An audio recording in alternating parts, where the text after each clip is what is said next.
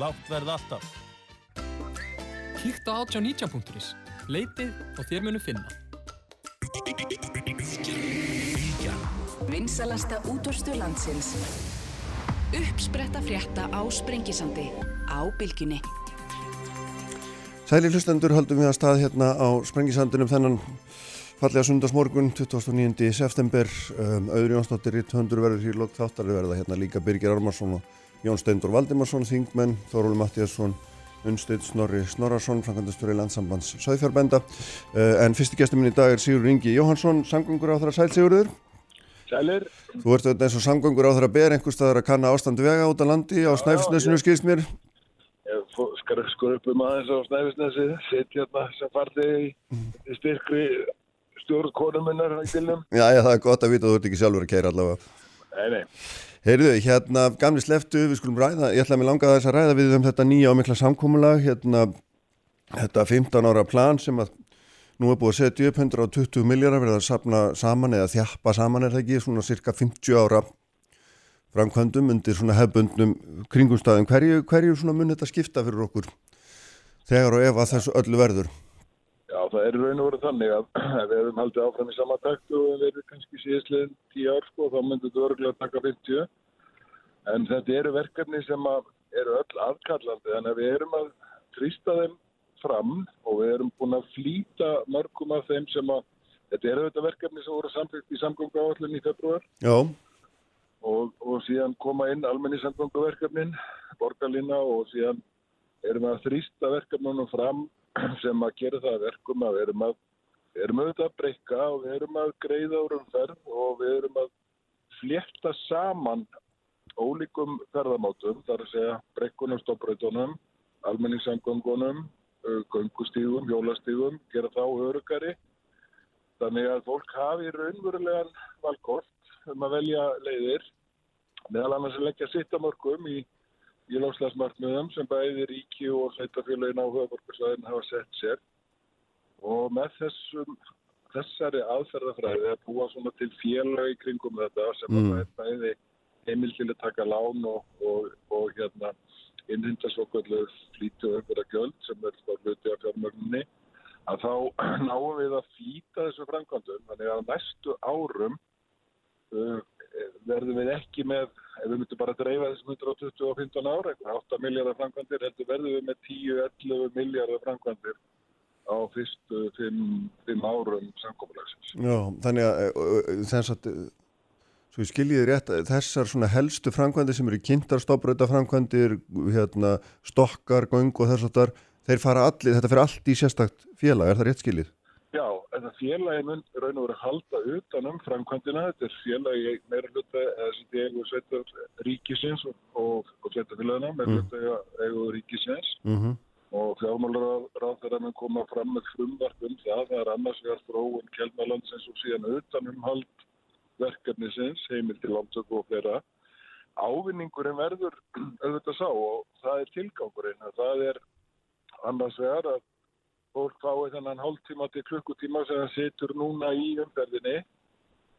Og farið hann aftur til sín sjálf og getur hérna verið heima með fjölskyldunni, sitt bönnum, tómstundum eða hvaða nú er. Mm -hmm.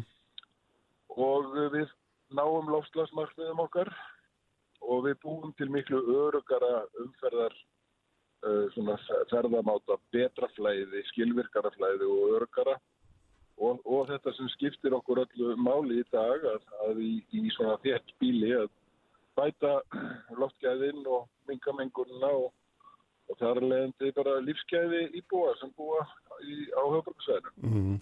Sko langar aðeins hérna, að þú nefndir þetta fjela og nefndir að það myndi hafa heimil til ántöku og svo framvegis.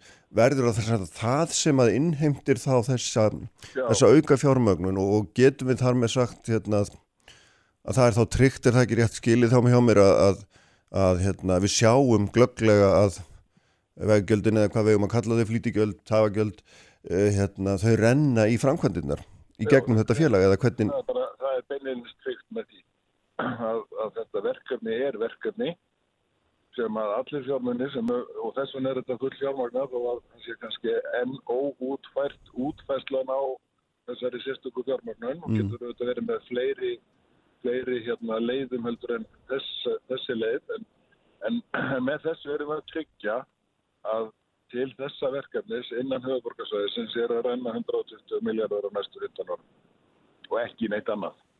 Já, akkurat. Og, er, og það er svona helmingurinn er það ekki rétt skilja með sem að, hérna, sem að fer í gegnum þessa utanakomandi fjármögnum. Það er að segja að ríki ætla að leggja fram 45 Já. og sveitafélagin 15 og restin á innheimtast. Já. Og, og hérna... eða, eða með annari fjármögnun eins og, og, fjármögnar hefur til dæmis nefnt. Það er hugsanlegt að á næstu árum, á, þetta er náttúrulega langur tími að að við eigum hreinlega fjármunni til að setja meira í innviði beintur ríkina og við erum líka og það er það sem að hérna, fjármáraður er verið að vinna af að við erum auðvitað farin í orkurskiptin sem týðir að nú þegar eru bílar sem hafa fengið undansverðar ívilmanir nýjorkubílar, rammas, vetni metan og, slikki bílar mm.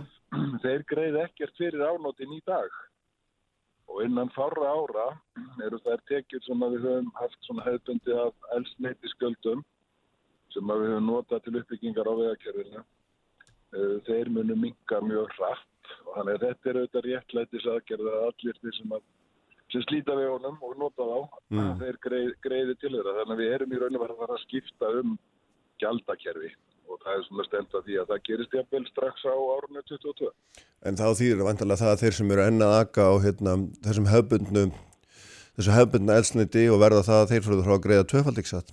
Nei, það, það er akkurat það sem að liggur í, í hérna, þessu verkefni við erum að skipta um kerfi. Já, já, en á meðan að það er ennþá einhver í, inn í með þessa gamlu orkugjáð þá hljóta þeir að borga bæði bensingjaldið og, já, við, og hérna með, með breytingunni að að hérna hafa full elsnittisgjöld og notendagjöld þannig að þessu verður breytt nákvæmlega hvernig mm. get ég ekki fullir núna. Nei, en þannig að þau myndi það vantla að lækka á móti minnstu hósti tímambundi er það ekki eða hvað? Já, það er ekki tilgangur að auka álugur á byrjareigandur með því að skiptum kerfi. Nei. Það er bara að verða að tryggja tekjur og þá er við mótelið á höfuborgarsvæðinu hluti að þessu hérna bara mútili yfir allt Ísland. Já, er, sko nú, nú sér maður sem að hérna, þarf ekki leita lengi uh, til þess að finna að hérna, félag Íslandska byrjuðenda hefur haldið fram í mörg ára skoðsíkinum að brota brota af þeim gjöldum sem byrjuðendur greiða sem að fari raunum í framkvæmdir á vegkerfinu og þarna það sé að ærin peningur til, ég held að þeir tala um 80 miljardar sem að ríkið innheimtir í þessu formi af bíleigundum og þarna það sé nægur peningur og þurfi ekki að leggja neina auka gjöld til þess að klára þetta. Já, já, þetta er alveg svona með og, og hérna ég ætla ekki að reyngja þessa tölvi hjá FIB, þeir eru dölverið í sinni höstmanna gæslu og hafa margt til síns máls. Hins vegar er það þannig að það sem að hétta eins og markaði tekjur og runnu til vegagerðar, mm. það voru bara elsneitisköldin og ólíugjald. Það er cirka 20 miljardar í dag og því er spáð að eftir einhver 6-7 ár að það veri komið nýri nýju. Hínir, hérna allir milljararnir, eru aðflutningsgjöld, eru byrðræðaskattar og síðan virðislökaskattar. Og vilji menn hugsa það þannig að öll gjöld sem að, að hérna, byrðræðeigandur greiði með einum öðrum hætti eigi að standa undir öllum kostnaði við, við, hérna, við fyrirbílana þá mögum ekki gleyma því heldur að bara umferðarslýsinn kosti okkur á hverju ári 40-60 miljardar mm -hmm. og ef við tökum þáttölu með og núna þessu uppbyggingu sem við erum með í vegakerfinu upp á sem við erum kannski að fara að reyna að hækka framkvæmdar hérna, fjármagnið upp í einhverja 25-7 miljardar og þar til viðbótaður er tollurinn og löggjæslan og eitt annað. Oh. þá er ég ekki vissum að þessi 80 miljardar myndir standa undir þeim kostnaði. Nei. en það held ég að við viljum ekki hugsa svona. Við viljum heldur ekki að, að, að bara þeir sem eiga börn greiði allan kostnaðin í leikskólanum eða bara þeir sem eru veikir borgi heilbyrðiskostnaðin við erum bara ekki svo leiði samfélag. Þannig að þessi rökum að þessir 80 miljardar eigi að renna til vega uppbyggingar þegar halda engan veginn vatni. Nei, en við erum samt sem áður að fara aðeins inn á þá leiðir það ekki með því að stopna þetta sérstakka félag um þessa sérstakku framkvæmdi þá erum við að láta ákveðina tegundaskattindur renna inn í ákveði verkefni Við erum að reyna að færa gjaldtökuna úr, já, þetta er þetta hálfgjörn notendagjald með elsneitsköldunum í dag já, já. en við erum að færa það til samgjörnis vegna þess að innan fara ára verður, verður stóru hluti bílana orðin nýjorku bílar sem greiða þá ekki elsneitsköld mm.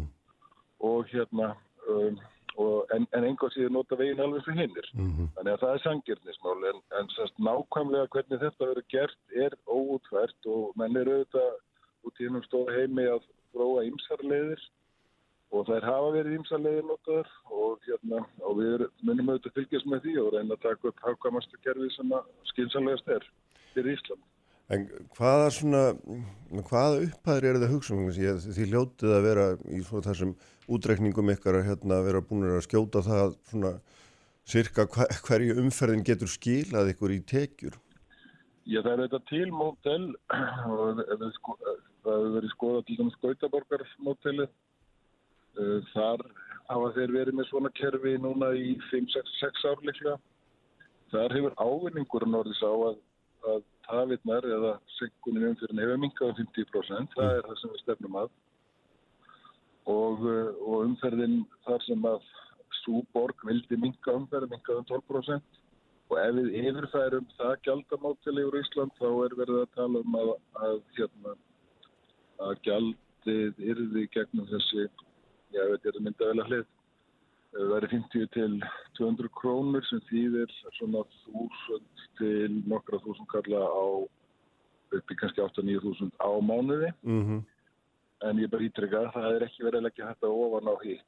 Það er Nei. verið að skipta um kerfi. Akkurat, nákvæmlega. En það getur, eitt fjölskyldubíl getur verið að borga þetta 8-9 krónur á mánuði svona gróft Já, áallat. ef hann, ef hann getur ekki komist hjá því að keira bara á tímanum þessum að álagsreislan er hæst, sem Mhm. er það vantarlega á mótnan á Já, en síðan er þetta í þessu Gautaborgarmódeli, þá er þetta á kipis á kvöldin, frítugum já. og minnagjald þegar að umfyrin er, er minni. Mm. En þetta er. Við er, og ég sem samtungur að það er auðvitað fyrst og fremst að horfa á það að, að koma þessum framkvæmdum í, í gang sem hafa verið stopp af ymsum ástæðum í samskiptum ríkis og vegagerðar annars vegar og við sveitafélagin hins vegar og jafnvel á milli sveitafélagina þannig að sko, stóru tíðindin í þessu samkómulagi eru, eru marg, margskonar Mm. þau fyrstu þó að hér er komin framtíðar sín allra sex sveitarfélagana á höfuborgarsvæðinu og ríkisins um hvernig hægt sé að takast á við að leysa umferðarþungan á höfuborgarsvæðinu. Með það fyrir augum að það er síður skilvirkar, greiðar, örugar og náum loftasmarkmiðum hérna stjórnvalda. Mm. Er svona, Og, og það er verkefni mitt. já, akkurat. En þá veist hvernig þetta er þegar að hérna, þegar að svona runa er talin upp að þá, þá hérna, fara egasenda menn alltaf að hugsa eitthvað vegna þess að hérna, þetta er eiginlega of gott að geta verið satt að þetta geta allt saman gengið upp í einu. Já, og ég, ég skil það við höfum ekki, okkur hefur ekki lánast að leggja línurnar svona fyrir okkur til langstíma í þessu tilviki 15 ár og sagt, nú ætlum við að setja öll verkefni sem að duga til þess að leysa þann vanda sem við horfum á og við ætlum að fjármagna, hann, við ætlum að setja hann inn í eitt, eitt pakka, inn í eitt félag Mm. og leysa málinu þessum hætti. Okkur hefur ekki lánast þetta, við erum, höfum verið daldið í svona einhverju karpi og, og svo er það líka rétt að þegar að stór tíðindi gerast eða stóra framkvæmdir verða þá, þá er mikið af úrtölumönnum og nú er ég það bara upp hérna í kringum kvalfyrragöngin þegar þeim var skila til ríkisins að ef ég mann rétt þá eru 70% sem allir aldrei að fara göngin, aldrei Já, já. en ég hugsa að það hefur nú verið inn af 1% sem, sem stóði það. Nákvæmlega rétt sko en hérna en sko það er við þekkjum það líka því þú nefnir þetta karp og þetta svona hérna þessa tókstrættu sem hefur verið svo nefnir þekkjum við nú líka það að framkvæmdur í Íslandi eru fara oft hressilega fram úr áallun og þarna Sumstaðar gera það. Við eins og er hefur bara bysna svona á- góða að státa hvað það var þar. mm er þessar að því að þú Aðrir aðlar sem hafa verið að, að hérna, og oft ríkið, það er ekki það, og Já, já. eða borginu, Jú, jú. ekki gleyma því, Jú, það er saman hvort við nefnum konga eða prest í þessu það er allir segir sko. og, og það er, ég, og maður skilur alveg hérna að menn þurfi svona aðeins að klóra sér í kollinum yfir þessu. Ég sé marga gera það og, það er voru nefndar hér áður en að þetta var undir þetta og kynnt voru þetta alveg út úr korti og, og voru miklu, miklu, miklu herri og, það vart að vísa, vísa til þess að veggjöldin eru kannski 400.000 ári eða Já, já, Já. Já. Einmitt. En sko, þú, þú, við tölum, þú talar um þetta félag sem ætla að stofna nú nefnur í vegagerinu og hvernig, hvernig verður þetta samspila eða milli, hérna, sko, milli þessa félags býður það út verkefnin eða hva, hvernig? Já, vegagerinu verður okkar aðili, samkvæmt vegalögum hefur bara vegagerinu það hérna, verksvið. Félagið hérna, semur auðvitað þá við vegagerðina og, og, og, og hérna sveitafjöluðin eftir aðtökum eða það eru verkefni sem eru innan viðkomandi sveitafjöluðs. Það er líka heimild í, eða eru er til þessa fjöluðs að, að semja við aðra aðla en, en, en þetta er að, að verkefni, stoppröytara verkefni og slík eru alltaf á ábyrð vegagerðinars. Mm. Höfum við mannskapít alls saman? Já, það er eitt sem að líka við höfum verið að reyna því að vendingan eru miklar. Já. Nú erum við að ræða um þetta hér en á sama tíma erum við að auka verulegt fyrir til samgönguverkarna hringin í kringu landið af því að, að umfyrðin er ekki bara að hérna, erkja okkur innan höfuborgarsvæðisins, það er á stopparautónum út úr, út úr borginni, það er allt söðurlandið og síðan erum við enn að byggja upp grunnkerfið eins og á vestfjörðum þar sem við erum líklega með eitthvað 25 miljardar störfur núna á næsta árum. Þannig að við það, það góða við þetta er að við erum á réttum tíma í, í efnahagsveiflunni. Um, það er fínt fyrir ríkið að, og verða aðeins að fara inn með aukna framkvæmdir þegar að drefum saman. Um, vextir eru þetta lágir og, og, hérna, og, og við getum alveg spýtt í til þess að fá fleira fólk. Mm. En það sem er þessu er að horfa til 15 ára þannig að fyrirtækinn geta vaksið hægt og rólega. Það sé ekki bara einhver einhvern átak í 1, 2, 3, 4 ár og svo veit engi hvað gerist svo. Því að þá þurfa fyrirtækina að vera svona harmoníkur að bæði með tæki og, og mannabla. Já, en, en nú... Já, við sjáum svolítið fyrir okkur að við séum einfallega að auka umsvifin á þessum jarðverktaka bremsa sem að sletti. Já. Og það er líka mat að, að slíkar framkvæmdir, þessari samgönguframkvæmdir, hefðbúnda samgönguframkvæmdir, vegaframkvæmdir sérstaklega, þær hafa minni þenslu áhrif heldur en til dæmis húsbyggingar á höfbruksöðinu, svo nefnst ekki. Já. En hvað með, sko, nú höfum við verið að ræða undarfærin ár og þú þekkir þá um ræða vel um nöðsins að byggja upp hérna innvið til þess að annað, sko, hérna, ferðarþjónustunni sem er auðvitað verið hérna mjög hratt vaksandi. Hvað þýðir, hvað þýðir það þegar allir þessi peningar fara hingað? Hvað þýðir það fyrir þau, þau áform og það er svona þá uppbyggingum sem verður eiga sér stað á þjóðvegunum varandi ferðarþjónustunni? Þetta er bara einn hluti af miklu starra plani sem að með að byrtast í áallinu meðan oktober. Mm.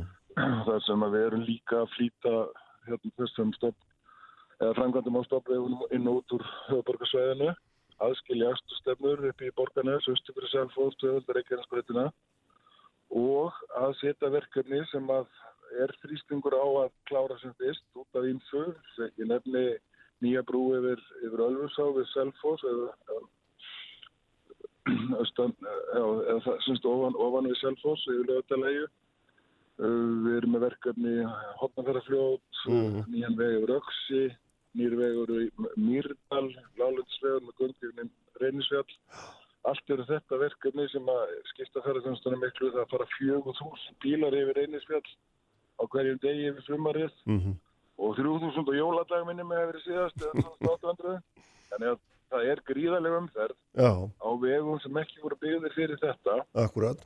og við erum að setja fjármunni og áherslu á þessa hluti líka og þarna verður þá er valum aðra leið og við munum bjóða þetta út í, í svona samvinnuverkefnum, PPP-verkefnum, alveg velferðarkvang Þannig á næstu árum verða þessi verkefni líka í gangi ofan á samgöngu áallum sem við höfum verið að setja meira fjármæni. Þannig að þau verða bóðin út þessi sem þú ert að nefna núna síðast, þetta er allt saman svona enga, hérna, hvað kallar maður þetta, enga framkvæmdir? Nei, við kallum þetta samfunnuverkefni. Þú kallar þetta samfunnuverkefni, já það er hérna... Ofumbera aðila, enga aðila, verktaka fjármögnur aðila. Já, það er hérna, það kemur til af hérna uh, uppbyldið þínu sem fransakommans að þetta heitir samfunnuverkefni náttúrulega. Já, og svo kannski er bara private partner public, hérna sé bara betur stýðing sem samfunnuverkefni heldur en enga framkvæmt. Já, hvað, sko, einn loka spurning um þetta mál, svo langum við aðeins að spríða um eitt annað hérna, en sko, að hvað miklu leiti er þessi 15 ára áallun háð því uh, hverju sitt í ríkistjórn á hverjum tíma, að hvað miklu leiti verður hún bundin í lög og, og óhagganleg? Eh, Sko félagið verður þetta stofna með lögum, samgöng áallin á hverjum tíma uh, segir þetta og við auðvitað, erum að leggja upp með plan sem að getur haldið. Auðvitað ef að hér verða einhverjar eh, alveg á samhátt og við segjum að hér verða mun betri tímar og við getum sett meira fjármagn beintur ríkisjóði að þá þurfum við þetta líka að, að hérna vita það ef að hér gerist eitthvað mjög óvænt náttúruhamfarir eða stríð út í einu stóru heimi þá getur það auðvitað haft áhrif á, á svona en, en þetta er auðvitað breið politísk uh, samstæða ólíkra flokka bæði í sveitarstjórnum og á ríkstjórnaborðið sem, Mm. fjalla, sem hafa fjallað um þetta núna og, og hérna, ég held að það þurfa hansi mikið til að menn skipta um kurs þegar svona samkomlag við sveitarfélagi leikur fyrir. Ég sé það svona alveg fyrir mér þó að það getur vissilega haft einhver áhrif á framkvæmdarraða ef eitthvað meira hættar gerir. Mm. Hérna, uh, eitt hérna í viðbót sigurður, eitt annar mál og algjörlega óskilt þessu en hérna, mér langaði að spurja þig sem hérna fórustumun ríkistjórnarinnar, hérna, hvað fannst þér um greina að gera ríkislöfumanns í, í, í, í Guðmundar og, og gerfinsmálunni þar að segja þeim hluta sem að snýra dómsmálunum sem Guðjón Skarpjörnsson hefur hafðað á, á hendur ríkinu? Ég, sko, ég hef auðvitað sagt að ég er ekki löglærður maður og maður sé nú orðin kannski lögfróður af af því að hef sittið á þingi og vaf- vaf- vafrast í ímsu. Ég hefði vantarlega ekki skrifað svona greinagerð en það er bara ekki okkar í pólitíkinu að fjalla um þetta. Nei. Þegar að máli eru komin yfir á dómsstíð þá er, þá er aðskilnaður þar á milli og það væri held ég óeðlilegt ef að pólitíkin væri að fjalla um dómsmál á hverjum tíma Mm. og ég held reyndar að, að þetta mál frá upphafi hafi, það hafi ekki verið sérstök hjálp í því þegar að það var tekið upp á alþingi á áttunda áratögnum með þeim hætti sem það var gert. Mm Ég held að það hafi gert það mál miklu, miklu verra og meiri pressu í málunum heldur en var, var hérna skynnsamlegt. Þetta er hörmungarmál, það, það er, er mörg uh, fórnalömb sem hafa orðið fyrir, fyrir bæði tjóni og átt erfitt með lífsitt all, alla tíð síðan og það er ekki auðvelt að leysa þetta, það, það verður ekki leyst á pólitísku vettvang Nei. inn í þingsali þar sem menn er í slag. En nú virðist manni máli vera að færast þangað. Ég, Er það ekki með sérstök frumvarpi og það sem að hérna, ég vil þingið á að taka ákvörunum einhverja bóta upp að þér? Já, sko, eins og málið var komið. Eh, það var jú þingið sem að sem sagt, eh, setti þetta ferli í gang. Það var þetta eðlilegt að þingið klárið það úr því að það náðist ekki að eh, klára þessa sátta með þeir sem að ég bá ákvæmna vonir við. En málið er flókið, það er erfitt og ég held að það hjálpi því ekki að við pólitíkusar séum að reyna að slá okkur upp á því og ég ætla ekki að taka þátt því. Nei. Ég hef, hef bara miklar tilfinningar til þess fólk sem hefur orðið fyrir, fyrir hérna, tjóni vegna þessa máls á öllum stöðum þess, finn til með því og ég held að við sem þjóð eh, ættum að reyna að sammælast frekar um það að styðja við þetta fólk heldur en að vera að fjalla um þetta með þeim hætti sem við verðum að gera síðustu daga. Mm Sko þú varst fósitsræður á tífambili og hérna uh, ríkislögumæður skilar greinagerni til fósitsræður og hún segist ekki á að lesa þann og hefur beðist afsökunar á því og ég sem ekki, en mér langar bara að spyrja þið almennt, ég menna ég skil orðin eiginlega þannig að það sé ekkit sérstaklega í verkarhingur á þannig að lesa þetta og hafa einhverja skoðun á þessu. Mm, Nei, það, hefur hvað- ekki, það hefur ekki verið verklæðið en eins og fórstisafræðgatinn hefur sagt þá er þetta eitt af því sem við þurfum að skoða. Mm. Ég held hins vegar að við þurfum að ræða það að þá sé það ekki neinumáli til framdráttar ef að við lesum greinargerðir ríkislöfum sem er búið að vísa málum í slíkt ferli og þurfum að hafa pólitíska skoðanir á því. Við, eigum, auðvitað- við gætum haft faglegar ábendingar. Mm og það er það sem við þurfum að skoða hvort að verklægið sé nægilega gott eins og það hefur verið eða hvort við þurfum að bæta það. En ég svona við, við svona fyrstu, fyrstu hugsun á því sé ég ekki alveg fyrir mér þegar að við erum búin að útvista máli sem er orðið lögfræðilegt, er orðið dómsmál hvort sem er hér á Íslandi eða jafnvel við erlenda aðila ef að við þurfum að leggja okkar pólitíska mat á greinargerðir eða eitthvað slíkt. Ég, Mm. ég held að það sé ekki leiðin í, í til lausna á svona málum. Nei. En er ekki svolítið munur á pólitísku mati og svona, nú eru þið búin að leggja á hvernig línu, þið eru búin að rétta fram sáttahönd, þið eru búin að segja að þið séu skapota skildið, með svo styrir ríkið hérna, viljið það, en svo, svona kemur allt annar andi, þetta er ekki beint pólitíst mat, en svona meira einhvern veginn svona stefna getur við sagt í mannaðastefna, getur við kallaða það? Þú vart að vísa það í, í þetta mál, jú, jú, jú, jú, jú, það getur vel verið, en, en, en ég býst líka við að þeir sem að stefna ríkinu, þeir gangi sem sagt eins lótt og, og högt er, ég, eftir því sem ég hef skilið dómskerfið, þá, þá er það þannig að menn leggja ítrustu kröfum fram og, Mm. og hugsanlega semja sé, síðan frá þeim eða falla frá þeim og hafa varakröfur etc. Og þess vegna þeir sem taka til varðum að gera slíkt því sama. Í þessu máli leysir það einn góða. Ég er bara sammálaður í því Já, og ég hefði óskað svo gjarnan eftir því að það hefði verið hægt að finna ásættanlega sáttaleið sem allir aðilar hefði getið sett sér við því að ég held að það skipti mjög miklu máli að allir, allir aðilar máls uh, fái svolítið frið og sé ekki stöðu til umfjöllunar í fjölmjöla. Nákvæmlega. Herru, ég ætla ekki að tefja það lengur sigur, takk fyrir að vera með okkur og hérna, gangið vel með þessar stóru framkvæmdir sem framöndan eru. Já, þetta er spennandi verkefni og held ég að þetta meni ávinningurum verður stórkostluður ekki bara fyrir þá sem búa á höfuborgarsvæðinu, heldur allra landsmenn alla. Ljómandi, takk fyrir þetta sigur. Takk. Við höldum áfram hérna eftir augnablík Þórúlu Mattíasson og, og Unsteinn Snorri Snorarsson setjast hérna hjá mér þá ætlum við að tala um, tala um uh, því klassist mál, sveifjarækt og, og hérna, loslagsmál og þessar og innflutning og útflutning hvað hefur vegur hérna þingst í kolminsfótspori. Sprengisandur, alla sunnudaga á bylgjunni. Sæli lustendur, þá er Sigurður Ingi Jóhansson farin frá okkur eftir spjallum samgöngu, mannvirki og reyndar aðeins um niðurstöðun eða niðurstöðu altså nýjustu vendingar væri betra að segja í þessum eilíðar málum, guðmyndar og gerfinsmálum sem eru nú að verða hvað 45 ára á þessu þessu árið, 45 ára frá upphafi þeirra uh, mannsaldur uh, uh, ég ætla að fjalla um allt annað mál núna uh, því að þeir eru sestir hérna hjá mig Þóróldur Mattíasson, professor og Unsteinn Snorri Snorrason sem er frangatastjóri landsambands Sveifjárbænda eru velkonni báðir. Takk fyrir. hérna, lofslagsmálur er málmáluna það hérna, blandast engum hugur um það og, og, hérna, og þetta eru viðfemmi málaflokkur og, og svona að mörga higgja og, hérna, og svona margt sem þarf að hugsa um á meðal hans er aldrei svona flóki ofta að bera saman kosti hvað er best að gera þegar ef maður vilja losa sem minnst? Og Þórulega þú hefur skrifaður hérna svona aðdúa senda ádreipu uh, varðandi framlýslu á kjöti, kindakjöti á Íslandi. Þar sem að þú færðir auk fyrir því að það væri í raun og veru lofslagsvætna að flytja inn 100 tonn frá Nýja Sjálandi heldur en að framlega þau hér.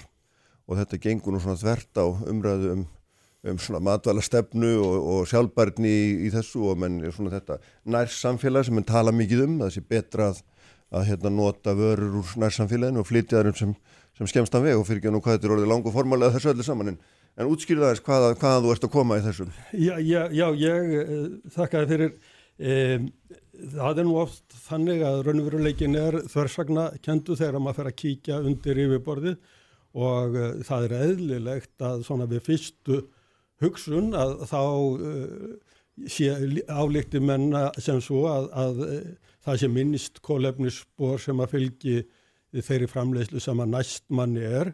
En uh, það er ekki öll sagan uh, og það þarf að skoða þá hver, hver losunin er á, á framleiðslu stað, þetta er því hver framleiðslu staðurinn er og síðan flutningslosunina mm. og um, e, þetta vakti nú svo litið spurninga hjá mér, er það virkilega svo að því að við vitum að, að ímislegt í sambandi við íslenska uh, lambakjöttframleiðslu er svona uh, erfitt samaborið við framleiðslun annar staðar.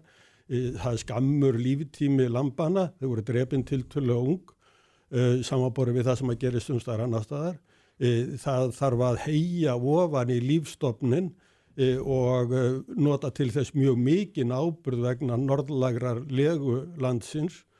Og það vildi nú svo vel til að, að ég fann skýslu sem að landsamtök söðfjábænda höfðu beðið um.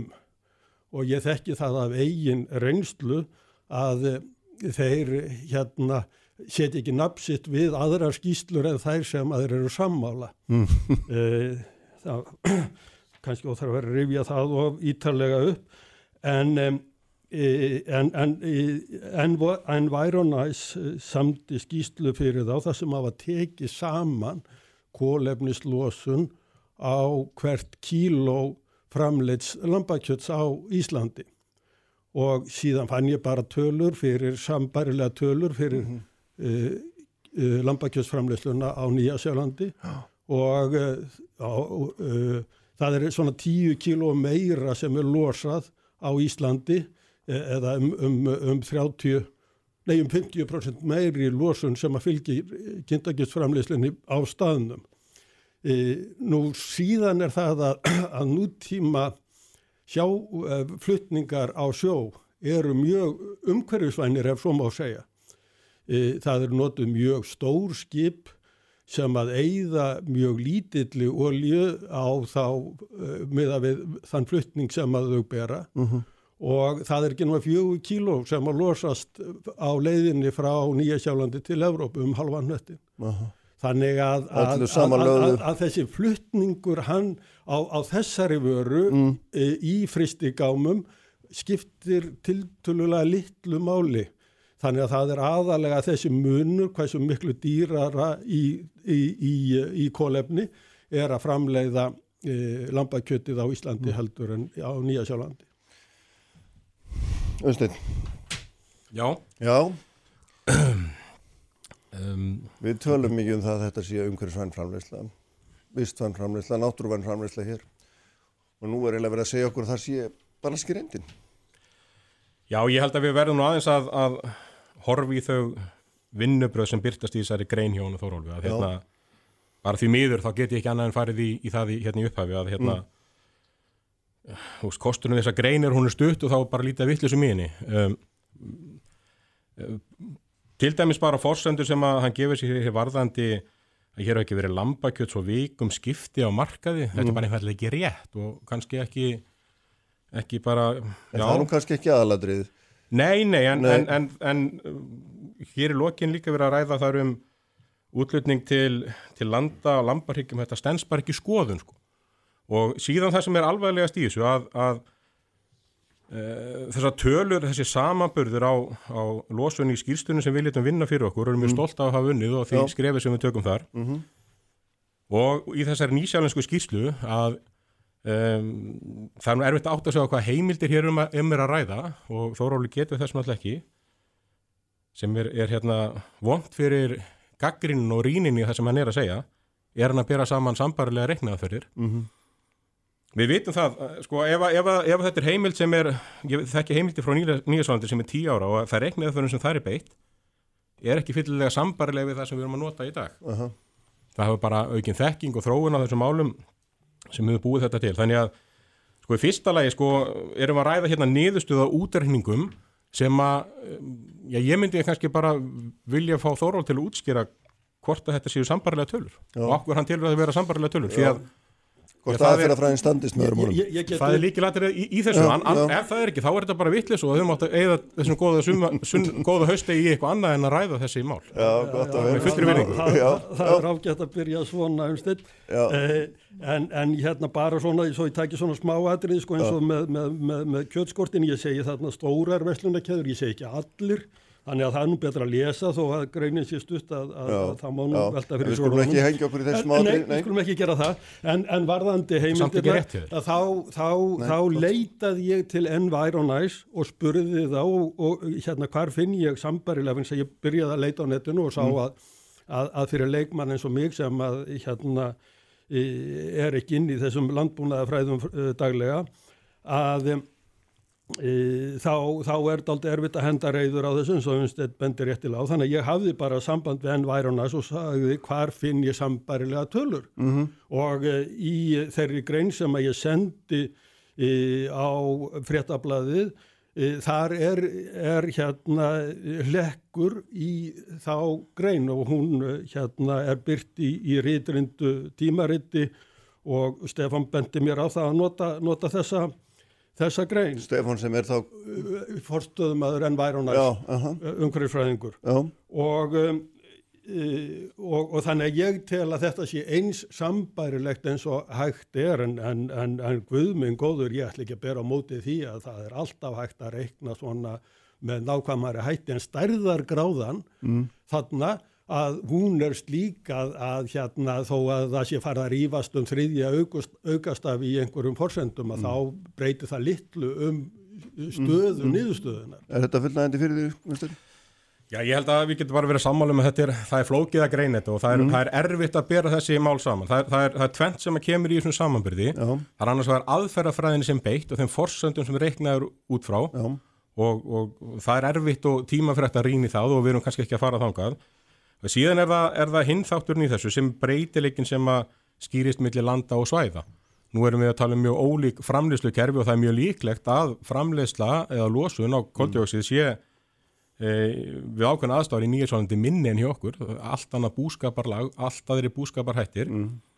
Um, annað sem að reyndar sem er mikill munur á að hér er að við höfum talsveit meiri afurðir eftir fyrir hverja fullorna kind, þannig að það sem losunin verður að mestu til hér á landi, heldur en ný, nýjarsvælandi og það er, það er hlutaði sem að um, hefur áhrif á þessu nýðust að við höfum að mæla út á, fram, út á framlitt magn. Mm -hmm og, og þar til dæmis ef við horfum tilbaka síðustu tíu ár þar höfum við já kannski dreyið úr þessar losun á framleitt kíl og lambakjötsum um 20-30%.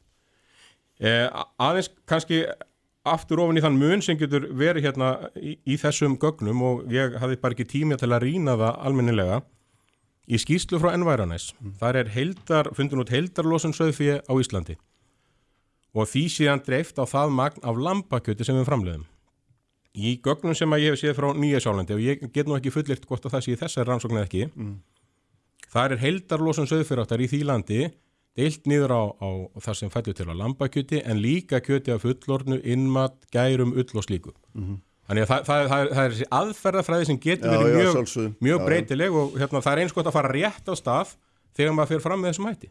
Og hafi fórsendurnar skýra já, og skilmerkileg fyrir framhansu ef við ætlum að fara útlið eitthvað út frá þessari nýðustu Já, nú skulum við ekki fyrir frá að gefa okkur þetta sér ránt vegna þess að Þóru er búin að skýra út hvernig hann aflaði gagnana þannig að hérna við svo ekki gefa okkur fyrir fram að segja eitthvað della sko En væronæst þegar að þeir framkvæma sína útrenninga mm. fyrir landsamband söðfabenda þá gera þeir það ekki út frá, um, út frá aðferðafræði sem að þeir finna upp heldur nota þeir aðferðafræði sem mm. að taka væntanlega upp úr skýslum að því tægi sem að, að mér var síðan bent á að anvotast við. Mm -hmm. Þannig ég gerur ráð fyrir því að aðferðafræðin sé nú eins sambærilega eins og hægt er. Síðan er alltaf hægt að, að, að bera brygður á einstak þetta. Ég vil bæta einu við mm. og það er það að í, að í þessum tölum frá Environise þá er ekki tekið tillit til e, CO2 losfunar á afréttum. Það er heldur ekki og, og, í íslensku tölum. Og þar má bæta við 10-20% sínist mér ef, mm, að, ef, mm. ef að menn velja það og við getum haft í huga að það er verið að beita hér á land sem að er, ég, á, ég var á lónsöræfum í, í, í, í ágúst, í byrjun ágúst um Veslunumannahelgina og uh, þar geng, gekk fjö á og, og átgrjót likum ég við að segja. Þannig er að þessu staðið víða. Mm, mm. Og, og, og uh, þannig að, að, að hérna það er ekki hægt að halda því fram að þetta sé umhverfi svænast að framleysla á landinu, guðmingóður Sko þarna eitt er þetta sem við erum búin að ræða en, en annað er auðvitað hvaða álíktanir maður á að draga af þessu ef einhverjar. Hvaða afleðingar svona þetta eru staðarindir sem við erum ekkert endilega búin að hérna. ég, ég vil aðeins taka, taka þann búta því að þú vorust að tala við, við hérna samgöngur á þeirra á þann um stórkostlegustu mestu uh, hérna fjárfestingar áttak sem um er að ræða og snerti 200.000 manns daglega í þeirra, þeirra daglega starfi uh, á landinu. Það sem er verið að leggja í það á ári á næstu 10, 15, 20 árum. Mm -hmm. það er álíka mikið og er lagt í bengreislur til landbúnaðar 120 miljardar? Ekki á ári. Nei, það, ég, það er 15, miljard, 15 miljardar á ári í bengreislur mm -hmm. markvalda það með tíu? Já, jú, jú, ég kann það alveg. þá sérðu, og með 20 þá farðu 300 Já, og, og, og, og hérna og þar eru við að tala um 3 til 4.000 manns sem að sem að, að, að, að svo niðugræsla snertir og það gengur í gegnu þingið og næstu því umræðu laust og það er venjulega smiklað inn á einhverju tíma þegar að þingmenn mega ekki vera að að eða þú er ekki að tala um, um, um þessa samningar, rétt verið kostningar eitthvað þess áttar sko. Uh, og, og hérna við getum náð sem, þannig eru við að styrkja hérna framleiðslu sem að allavega á yfirborðinu er ekki hérna umhverfisvæn mm -hmm. e, og tefja um leið nöðsilegar umhverfis e, væna framkvæmdur á borð við hérna samgönguframkvæmdunar hér á, á, á, á Reykjavíksvæðinu. Þetta er, er hressilega ádröpa, Unnstein. Já, þetta Já. er náttúrulega bara að kenna íslenskun landbúnaði og styrkja ekki til hans um, um það að hér séu ekki unnið að samgöngum sett að vera er náttúrulega bara alla svara verðt sko. Mm -hmm. Og hérna við skulum ekki fara út í kannski svoleiðis hártónir, það er að taka alls konar sameinlega göld í... Bara setja ykkur rétt samengi? Já, já, við getum líka tekið, þú veist, það sem fer til háskólana í, í hérna nýðugriðslur á, á mentun með sama hætti. Það, það snertir 20-30 þúsund manns á hverjum degi það sem var gengur í þeim hætti og eigur starfsgetu þeirra og... En, og já, og, hvað snertir lambakjöld mar, marga Íslendinga hverjum degi? 2-3 þúsund, ekki svo... 2-3 þúsund? Nei, þá ertu að tala vantilega um neytjöndunar, eða ekki? Já, þeir, já, þeir, skil, skil, skil, þeir, þeir, þeir gætu með umhverfisvætina hætti neitt, neitt nýsjálensks lambakjöld en, en Málið er ekki svona einfalt við sem nei, að horfa á þetta kólefnisspor eitt, eitt sem slíkt. Umhverfisvætina hætti, við getum líka að skoða hvernig þessi framleiðslega stundið í Nýjasálandi það er mjög mikil þjertleiki í beit, beitilandinu -hmm. Menn þurfa að nota mikið af, af or, ormælifi ormælifi, já, já, þeir eru vandana líka með, með land, landgæði. Það er alveg, alveg áskoranir sem að þeir eru að fástu við líka. Mm -hmm. Eitt sem að til dæmis er gert í nýsjálfænskir framleyslu að þeir eru með, með kjöt með, með hala og þeir þurfa að hala stífa og, og gelda hrútlömpin. Bara sem dæmi þannig að, að sko að, að, ef við ætlum bara að vera þröngsinn og horfa já, á þetta kólefnisspór sem slíkt að þá komust við þá fáum við ekki heildar myndin og hlutin ekki rétt. Gjelding hrútlampana er vantanlega vegna þess að lömpin lifa lengur. Þið bara drepið þau áður en að þau verða kynþróska En veistu okkur það er þórólur það eru því að vakstarhæði hjá okkur er miklu meiri en í nýsjálfensku hérna, hérna framleyslinu Já, en, sko, hérna, setjum nú bara sem svo setjum nú bara sem svo inn í þessari loftlags umræðu allri að við gætum staðreint það að Íslensk framleysla væri að þessu leitinu hérna, hefði miklu ríkara kólminsfóðspor heldur en, heldur en einhver önnur tiltekin. Ættum við þá að draga af því einhverjar álíktanir? Ættum við þá að grípa til einhverja aðgerða? Eða eigum við bara að halda áfram að framleiða og segja bara hérna, okkur er sama? Ég meina það er stóra spurningin, ekkert bara í framleyslu á lambakjötu, við getum líka að tala um þetta í sammingi við virkjanir og, og framleyslu á hérna, stóra versmiður og svo framvegis. Sko grunn, grunnurinn að þessu samtali öllu er það ætlum við að framleiða hér uh, matvæl á Íslandi. Já, Þa, ó, það, öllu. Við, við það, það, það er ein, eina forsöndunum sem, sem, sem við þurfum að horfa til.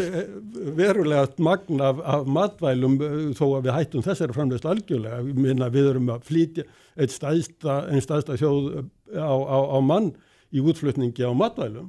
Já, já. Já. En, ekki gleyma, en, en eigum við ekki, ekki að leggja okkur á mörgum og framlega þau matvæli hér landi sem við getum framleitt? Hvað, á hvaða kostnæði sem er? Já, já það er alltaf spurningin. Það sem ég er að reyna að spurja þig eigum, eigum, eigum við ekki að draga neina álíktanir að þessu ef að þetta er rétt skilur, hvaða álíktanir myndu það að vera, hvað finnst þér? Já ef að þetta er rétt um, sko, það er nú afar erfitt að, að taka þessa grein og, og fara að draga einhvers konar álíktan að henni. En við getum þá dreigð það álíktan það að við getum við gert betur ákveður losinu meiri hjá okkur og getum mm. við hérna, bætt úr því mm. um, það, það er sem, sem hins vegar enginnir þess að umræða orðið svolítið við, það hefur verið að, að einblýna svolítið á, á landbúnaðin og, og það hvers konar mataflögu framleiðum og hvar sem mm. megin orsök og ástæðu og, og, og þá, þá aðferð sem við ætlum að beita til þess að, að, að ja, laga hlutina uh, við megum ekki gleyma því að þetta snýst um það um, að draga úr nótkonu jarðefnælsniti það er grunnurinn Já. og líklega svona ef við skoðum losun hjá á Söðfyrirtu Íslandi helmingurinn er vegna metanframlislu eða yðra gerjunar Já. síðan er svona 30% sem að verður til vegna notkunnar á tilbúnum ábyrði vegna notkunnarinnar á honum og, og búfjör ábyrði og um 20% er, er þá bein orkunótkun, það er rafmagn, það er dísel og, og, og þessi beinu þættir Já. sem að hafa áhrif á, á, á uh, losunina. Stæðsti hlutin, 50% er hluti af, af ja, kólefnis ringra sem við erum, við erum að taka þátt í og það er viðkend í þessum fræðum að meðan við erum ekki að fjölga gripum sem að framleiða metan, að þá erum ekki að stuðla hlínun af því að líftími metans er, er mikið stýttir en koldjóksins. En það er það sem er svona grundallar spurningin í þessu, er þetta aldrei sko, er þetta hérna sem að sé nú hérna hátimbraður sko, er þetta samanlegt vandamál eða er þetta bara sérstakt? Veist, getum við, getum við bara á einu stað sagt hérna, já, við teljum við sé bara svo mikilvægt að við framleiðum kjöt á Íslandi fyrir okkur og það skiptir ekki máli hvort að kolumnsfóðspóru er meira að minna en einhverstun annar stað eða við getum tekið einhverja aðra framleiðslu skiluru. Berum við einhverja sameiginlega ábyrð á þessu þannig að hérna kolumnsfóðspóru í heldina mingi eða gerum við það ekki? Já, sko, við sögðfjöðbendur, við letum vinna þessa skýslu fyrir okkur og erum að undirbúa verkefni þar sem við ætlum að vinna markvist af því hér á landi að draga úr losum koldjóksis af, uh, uh, í sögðfjörðat á Íslandi. Og við ætlum líka að, að fara út í verkefni sem stuðla því að við förum að, förum að binda kólefni. Já. Og sko, þó að Þóróru telli einhver angarlegir hérna, hugmyndur og stýringar á baku þessa skýrslu, þá er það ekki þannig. Við fengum bara utan að komandi aðila en væranæst til að vinna þessa skýrslu fyrir okkur sem svona ákveði leiðarljós, ákveðin svona stöðumat á því hvar við erum og hvað, hvað áherslu við um að beita þessum málum og við sjáum það líka, okkur vantar miklu meira raungögnum og tölum og hlutum til þess að fá styrkari og skýrari nýðustöður einmitt til þess að eiga þessum samanbyrði. En við þurfum auðvitað að eiga svona samanbyrð og skilja það þá ef við erum eh, getum orðið umhverfisvætin þá þurfum við að, að stefna þangað og það er bara stefnumörkun landsamtaka sögfjörbænda að vinna með þeim hætti. Það væri ágætis byrjun að, að, að minka framleyslunar niður í markaðinn eh, og, og líka taka mið af því að, að markaðs hlutdeild eh, sauðfjár kjöts eh, hefur dreigist verulega saman fyrir einhverjum 20-25 árum síðan að þá eh, borðaði hver Íslandingur langlegin í 40 kíló lampakjöt á ári, nú er að koma nýri 20 kíló. Eh, Danmörku þá er það 1 kíló á manna á ári. Ef við berum saman við það sem að gerist uh, í, Breitlandi til dæmis, það sem er nú svona meiri uh, söðfjárbúskapar hefð heldur enn í Danmörku, að þá er það 6 kíló. Þannig að, að ég held að, að, að eh, þeir sem eru í forsvari verið þessa búgrein, þeir þurfa að taka mið af því að markarun er þeim andstæður eh, að Evrópusambandið og fleiri möguleg innflutningslönd munu væntanlega innan ekkert mjög langs tíma leggja á innflutningsgjöld í samræmi við kolefnisfótspor. Þannig að þá myndi íslenska kjöti standa enn verrað víi heldur en uh, það nýsjálenska við, við, við totla hlið uh, Evrópusambandsins, svo við tölum ekki um önnur, önnur lönd. Uh, og, og, og, og menn verða að horfa til, til hérna markaðsaðstæðnana og, og, og, og snýða greinina og framtíðasínina og væntingarna sem eru að byggja upp hjá sínum uh, félagsmönnum í samræmi við raunveruleikan. Nú síðan þetta að, að, að vegna innflutningstakmarkana, innflutningsbanna, harra tolla, að þá standa neytendur mjög höllum fæti í þessu.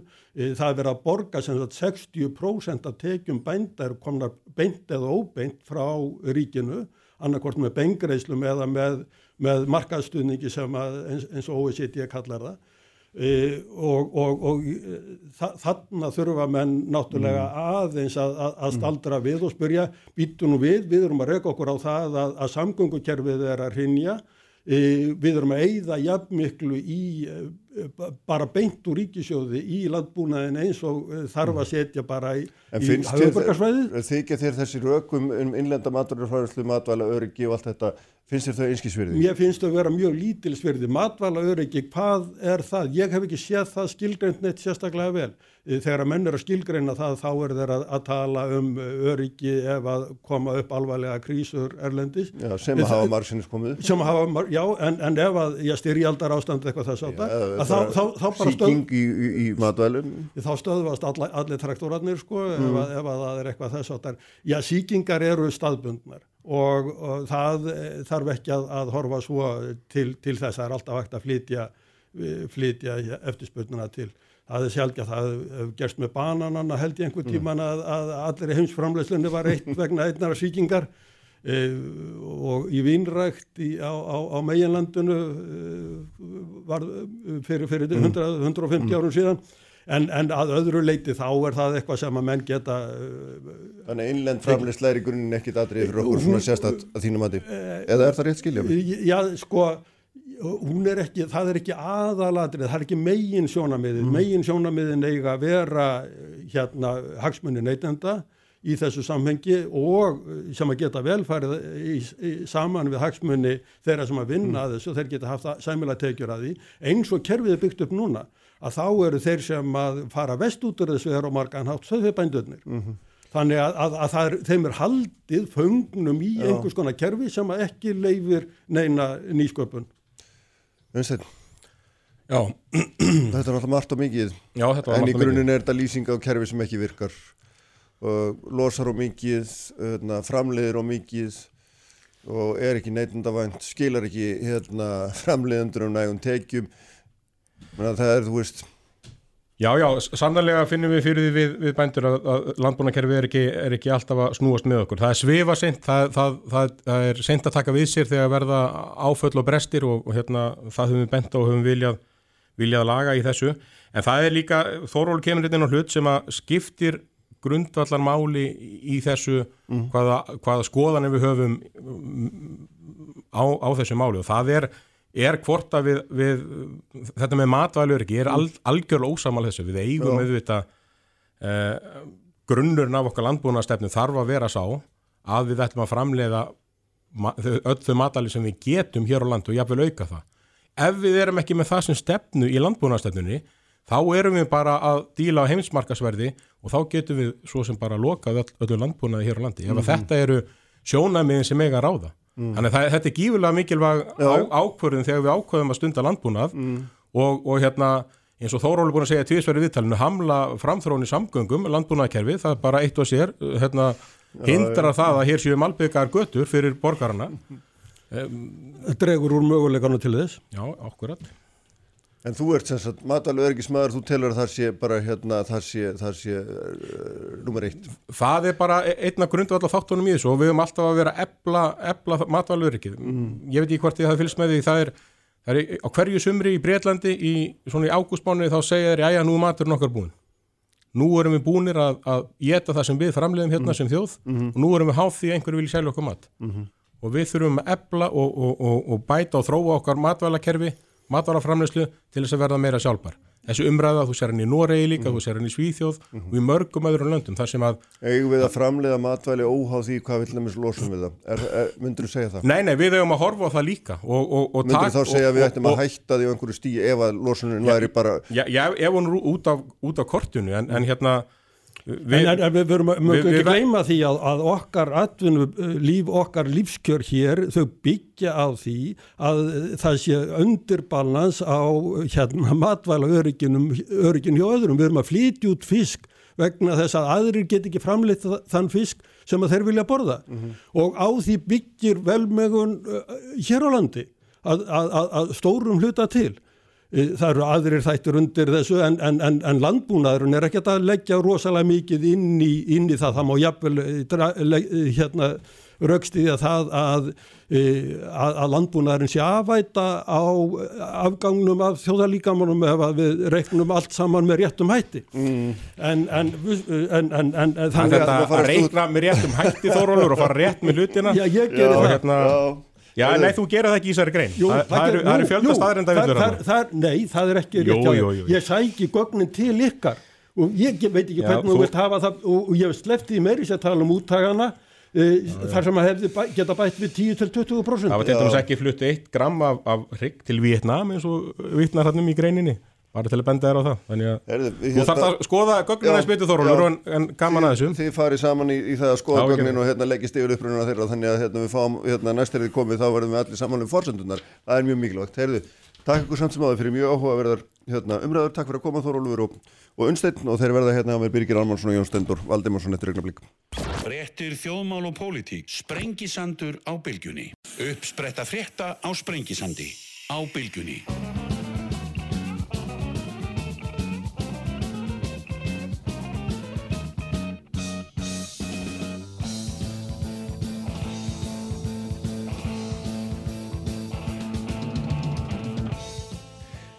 Sælir aftur hlustundur, þeir eru farnir frá mér eftir fjöruðar umræðu Þóróli Mattíasson, professor og Unnsteinn Snorri Snorarsson, frangaðstöru landsambands Söðfjárbænda vorum að, að hérna, fjalla um það hvort að Kolbrins fótspor af innfluttun í sjálfnösku kjötti maður gæti í raun og veru verið minna heldur en af, af innlendu kjötti sem að hér væri framlegt til innlands neyslu lambakjötti og sínist nú greinlega sitt hverju með það en hérna þeir eru sestir hjá mig Jón Stendur Valdemarsson og Birgir Almansson alþingismenn. Og hérna velkomin bæðir Já, takk fyrir það. sko það sem að svona bara þetta mjög hátt og, og var þessi, voru þessi Guðmundur og Geirfinn sem alveg langar aðeins að tala um þau við ykkur vegna að þar að segja að þessa málsöðum Guðjóns Skarpíðinssonar á hendur ríkinu og viðbröðin við henni, það er greina að gera ríkislöfumans sem að hérna mörgum þóttinu svona kaldranarlega held ég mér sér nú átt að segja. Uh, Pósitsráðandi brást við með því, með, brást við henni með því að senda út yfirlýsingu sem einhvern veginn gekk daldið þerta á þessa greinagerð svo lýsar á þeirra hver að fætur öðrum. Sigur Ingi hérna sýst í morgun yfir því að sættir séu það eina sem að komið til greina. Samt er þetta nú komið fyrir þingið. Þar á einhvern veginn þessum að eins og þingið að ég ákveða bótafjóra upp að þeina sangungur á þeirra og leist nú ekkert á það að pólitíkus að færi með og, og hérna og síðan er, sko er verist vera eins og sátt umleitunum sé ekki loki og nú ætli fórstsáþrann sjálfur að sitja eða verið í fórsæti í þeim sátta umleitunum Þannig að maður átt að segja á því, er þetta þó dómsmál en þá, og hvert þetta er eiginlega að fara, hvað, hérna, hvernig metið þið stöðuna?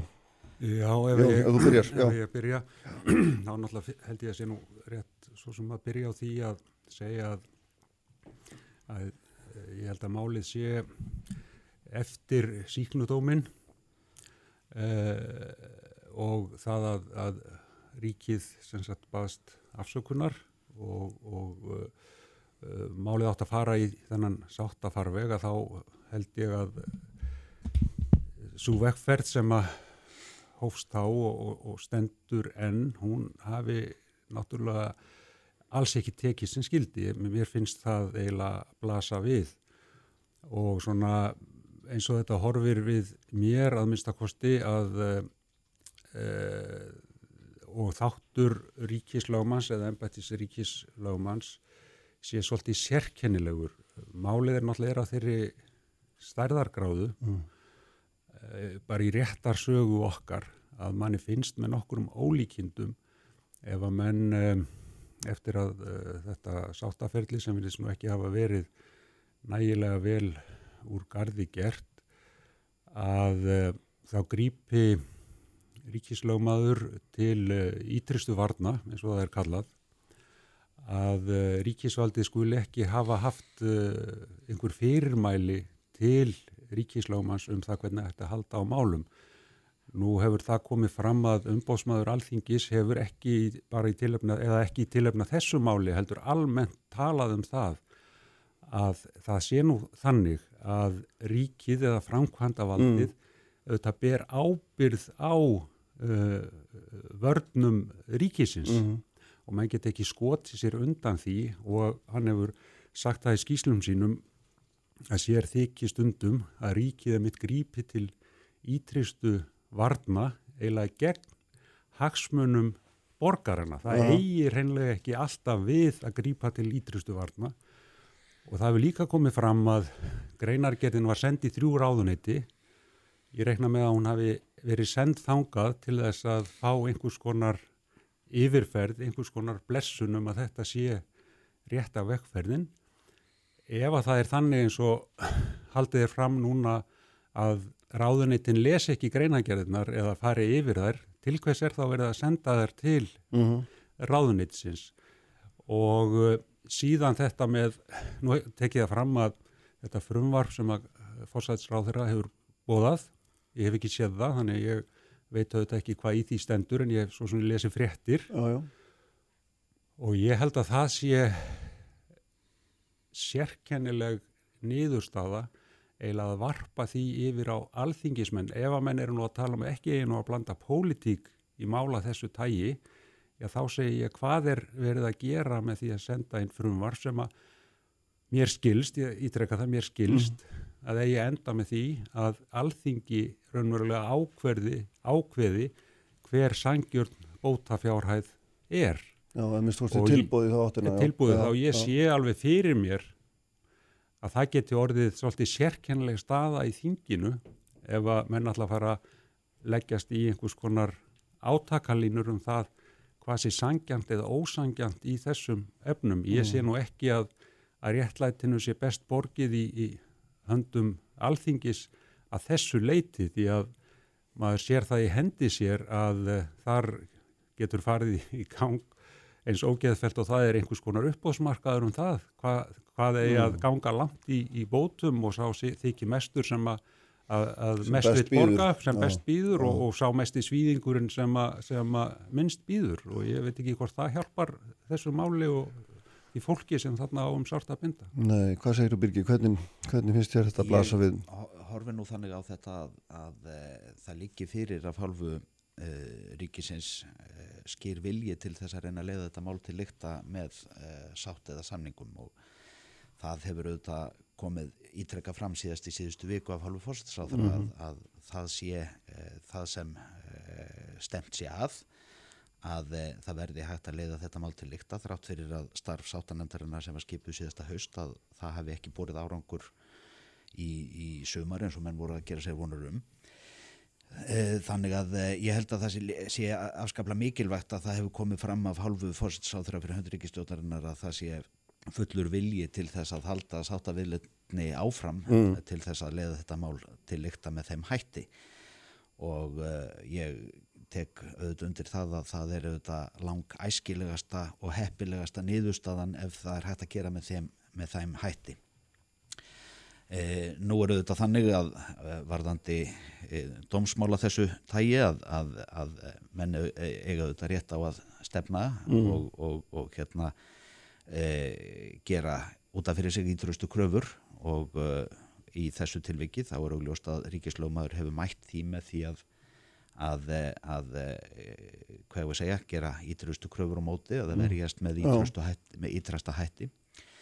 E, ég held að e, það sé e, út af fyrir sig hafi geti verið eðlilegt þó að við getum velt fyrir okkur einstök orðalagi eða eða, eða nálgun hvað, hvað það varðar.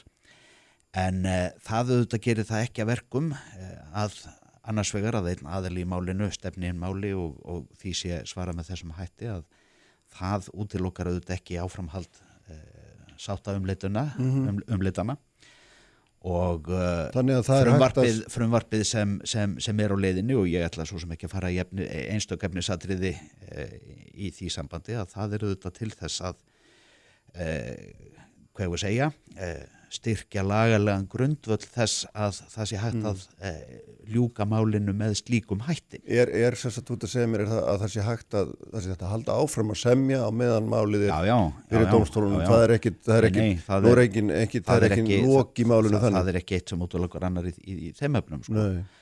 og hérna En ef að greina gerir ríkislöfumannsins er í svona því að nú hafa mist, uh, mist á þessi tveiri ráþarar þessir helstu sagt að þetta sé ekki þeirra anda þeir hefðu skrifað þetta öðruvísi Já. og ef hún, myna, stendur hún þá að hálfu ríki sinns að ég bara Já ég menna það ef málið kemur fyrir dóm að, að þá auðvitað verður tekist á um öll þessi sjónamið sem koma fram bæði í kröfugerðinni og í greinagerð Ríkislöfmas. En ef að greinagerð Ríkislöfmas er ekkit í anda þessum að Ríkistjóðin vil?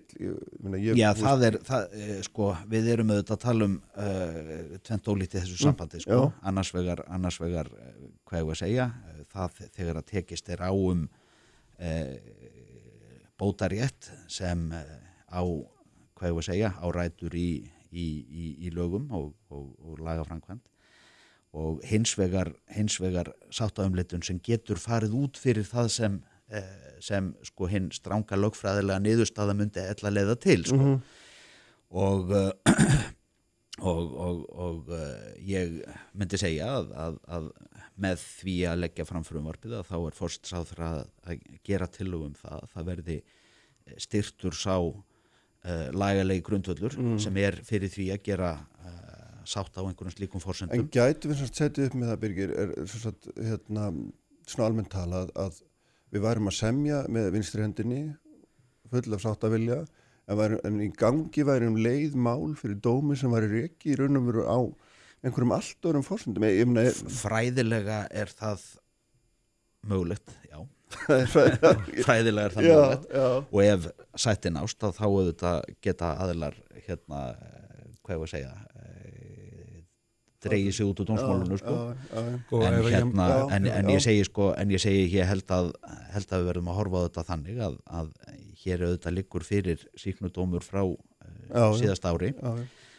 og uh, hann auðvitað setur að stað þá atbyrðar ás að, að, að menn byrja að leita sátta og það lendir í einhverju strandi allavega hvert sumum uh, dómþólunum í, í, í, í, í sumar. Og uh, það sem, það sem uh, ríkistjónin eða fórsettisáþur er að leggja til núna er það að, að þingið taki rauninni afstöðu til uh, þess að, að uh, það sé skýr þá uh, grundvöllur fyrir uh, sáttafumleitunum eins og, eins og hérna eins og, eins og hefur verið lagt upp með og viljin til þess að ljúka málinu með uh, samningum eða Mm. sátt eh, er alveg ótfýraður af hálfu, Hálfu ríkisins. rí- ríkisins. Já, já. Ég átta mig ekki alveg uh, á þessu satt best að segja. Sko, eitt er það að það sé deilt um fjárhæðir. Mhm. Það er þetta mjög eðlilegt í svona málum að, að hérna, menn deilum það.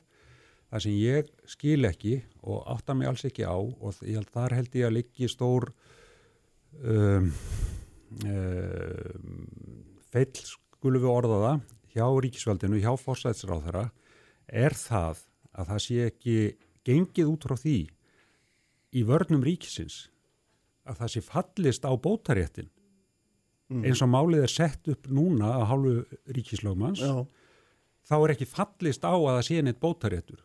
Þvert á móti er vörnin, sem vissulega er ítrasta vörn, er svo að það sé engin bótaréttur fyrir hendi.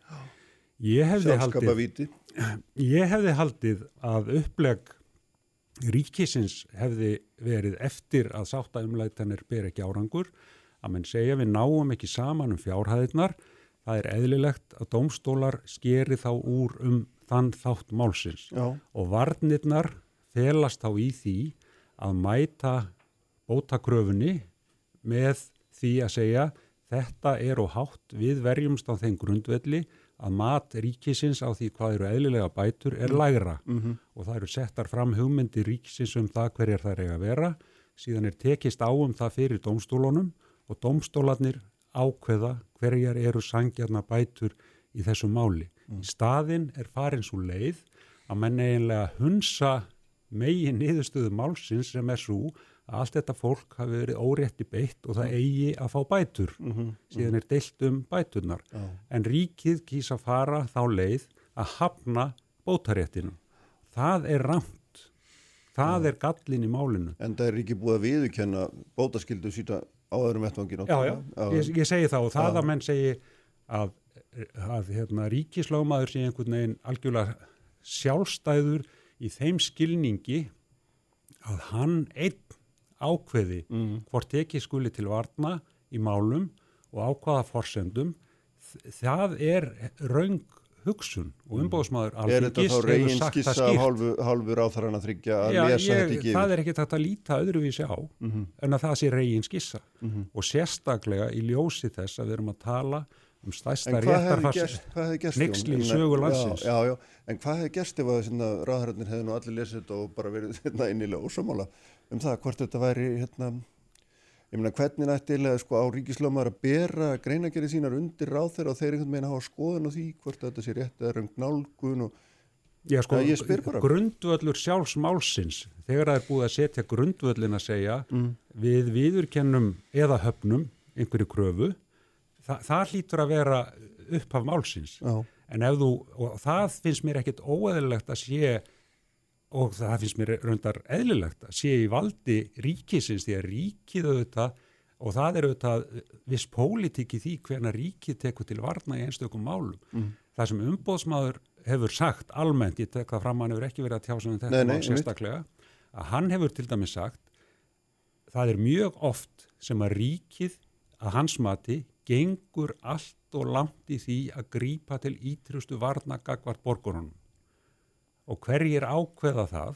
Það er auðvitað ríkið það er verið að verja ríkið og hverjir fara með ríkisvaldið. Og það er ríkistjónin Já. og hún verður að leggja einhverja línur um það.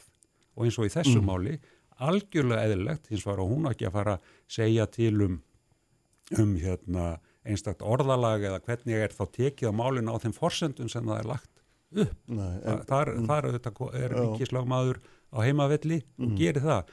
En ef hann fær engin fyrirmæli um málið að neinu tægi, þá er auðvitað eðlilegt frá sjónarhóli hans ef hann lítur þannig á hlutverk sitt að það sé alltaf að reyna með öllum mögulegum og ómögulegum ráðum að losa ríkið undan bótaskildu eða Já, ábyrð. já. Þá auðvitað gerir hann sitt ítrasta til þess. Mhm. Birgir, er, var þetta skissa, voru þetta, var þetta hérna, skissa hálfur ráður hann lest ekki? Nei, ég hel- held að það hafi út af fyrir sig ekki verið skissa, ég held að það hafi verið eðlilegt að fjalla ríkislögmanni að, að e, En nú fórst ráður hann beðið þetta afsökunar já, að já, ekki, já, já, þú ég meina þá erum við Gengur hún á langt í því? ég meina ég held að sko við þurfum aðeins að átt okkur á því sko hvað við viljum að politikusöldin séu með puttana í og hvað ekki sko. Og hérna og uh, ég held að, að í sjálfur sér eh, eins og þetta mál hefur gengið fyrir sig að þá sé eðlilegt að, að ríkislögmaður grípi til uh, ítrustu varna. Þó ég taki undir það að, að að það má velta fyrir sér einstökum atriðum í því sambandi, útfæslu og annað þess áttar. ertu, ertu sammála því að, að það hafi rétt að hann að hafna bótaréttinu?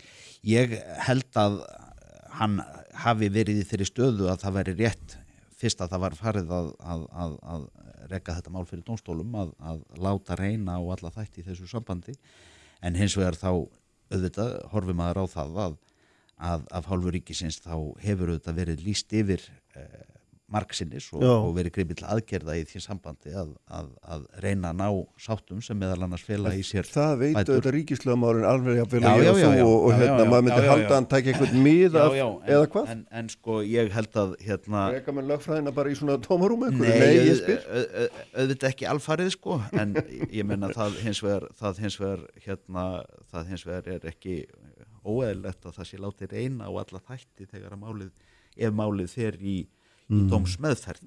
En á himbóin þá hérna bara vi- vildi ég taka það fram að að e, það er út af fyrir sig eh, rétt að rifja það upp að, að þingið auðvitað hafði frumkvæði að því að e, málið var tekið upp með þeim hætti sem það var gert með e, í raun og veru afbreyðilegum hætti. Mhm. e, það liti síðan til þeirra rannsóknar sérstaks saksóknara í þessu máli eða sem, sérstaklega skipað saksóknara í þessu máli sem hérna sem uh, fór fyrir dóm með málið að nýju sem Mm. liti til síknu þessa fólks og, og það liggur fyrir að hálfu ríkisins að, að, eh, að það telur og viðkennir að þarna hafi Já, þessir þess verið órétti mætt- grein- svo- órétt- órétti beittir Já, það er þess vegna Birgir sem þessi greina Já, ekki já. virkar svo undarlega, ekki svo? Já, ég meina það Getur ekki fallist á það? Já, það, þar eru við auðvitað að tala um hérna uh, sko viðbröð við uh, mjög, hvað ég að segja kröfum sem ganga mjög langt Já, sko já, já. Og hérna þannig að, þannig að ég held að, að menn þurfi sjálfur sér ekki að vera að hissa á því sko Nei, það sem maður veltir hins vegar fyrir sér já. nú náttúrulega munum við fá þingið eh, í þinginu hérna þetta frumvarp til Já. uh, meðferðar og það auðvitað uh, mun ekki fela í sér að, að uh, þar verði nelt niður eh, nákvæmlega hver niðurstaða samninga viðræðina eigi að vera það getur ekki gengið þannig fyrir sig og ég er sammála Jóni Steindur um það að, að e, það eru þetta kannski e, óæskilegt og óheppilegt að e, þingið lendi í því að þar byrji einhver eins og hann orðaði uppbóðsmarkaður Mm, með, með, með fjárhæðir eða annað þess áttar en það er hins vegar held ég mikilvægt að menn taki til umræð og þeim vettvangi hver bóta grundvöllur ná að vera og að það sé þá með skýrum hætti ljóst að það sé lagalegu grundvöllur til greiðslu þeirra sanginnisbóta sem, Mm, sem alltaf hefur legið fyrir af hálfu ríkisins að þeir viljir til þess Já. að, að greiða. En erum við þá semst að horfa það núna að við getum verið að reka þetta mál en þá þrennum hérna, vikstöðum. Það er fyrir í dómi, það er í, hérna, í þinginu og það er síðan einhver sáttanend undir fórstu fórstuðsröðunum það, það er náttúrulega, það er náttúrulega eh, aðkoma þingsins verður alltaf með einhverjum hætti óhjákvæmileg en uh, forræði fyrir samningaviðræðum eða sátta viðleitni Já. eru auðvitað af hálfu fórsetsáðura Mm. eh, það að slík eh, sátta viðleitni sé í gangi og samningaviðræður eða, eða samtöl milli aðila, Mhm. það auðvitað útilokkar ekki það að einstakir aðilar geti farið í dómsmál En þar þingið að því nú kemur í ljósi í hérna svona smám saman að sáttanemndin í upphafi hafði vist enga heimill að semja með einhverja ákveðna fjárhæðir svo var þær svona voru þær settar inn í svona hægt og bítandi eftir sem hann skildist Menna, er það þingið að taka ákvörunum heildar ráðstofun því nú má Það- ekki útluta fjármunum ríkisins Nei, nei, nei, nei, nei, nei, ég meina það er alltaf ljóst að annars vegar verður að vera fyrir hendi lagalegu grundvöllur Mm. fyrir því að greiða þá í þessu tilíki sanginnisbætur. Það þarf að vera sérstakur grundvöllur fyrir því í lögum og svo er hins vegar auðvitað fjárheimildir sem, sem, sem það líka leita til þingsins með. En þetta... Eh, En hvað þýðir þetta fjárheimild? Það þýðir með öðrum orðum að þingið þarf að koma sér á saman um- endanum, já, áður en að bætur eru greitar út, þá þarf þingið að festa, festa þá upphæð. Mm. Er, ég veit ekki. En ég meina, ég held hins vegar að, að, að, að á þessu stíi Mm. e, sko, sé mikilvægt að horfa á það þannig að, e, að með því að leggja fram frumvart núna sem vonandi fær afgreðslu fljótt og vel í þinginu að þá sé lagalegu grundvöllur Mm. mm. þessara sáttaviðleitni styrtur.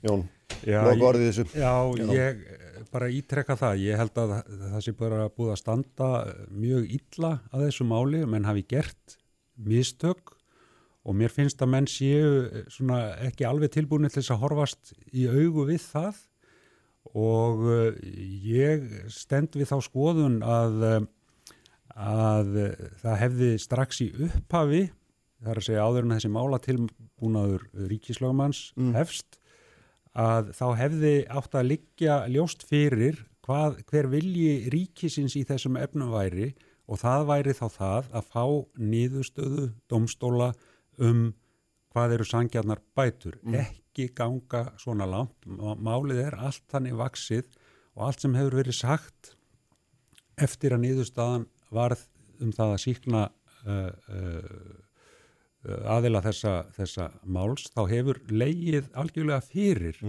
að þetta fólk ætti að fá bætur. Já. Um það hefur ekkit verið deilt Nei, nei. fyrir en allt í einu núna að það er orðin kjarni málsvarnar ríkisins að það sé engin bótaréttur. Það er algjörlega ótækt. Jómandi, Birgir, Jón Steindur. Ég ætla að ræða við ykkur um fleira en hérna hérlega tímtið fyrir. í dag þegar komum bara setna. Herri, takk fyrir þetta. Auður Jónsdóttir í töndur hérna hjá mér eftir augnablík. Sprengisandur á bylgjunni. Kraftmikil umræða, alla sunnudasmórna. Sprengisandur á bylgjunni.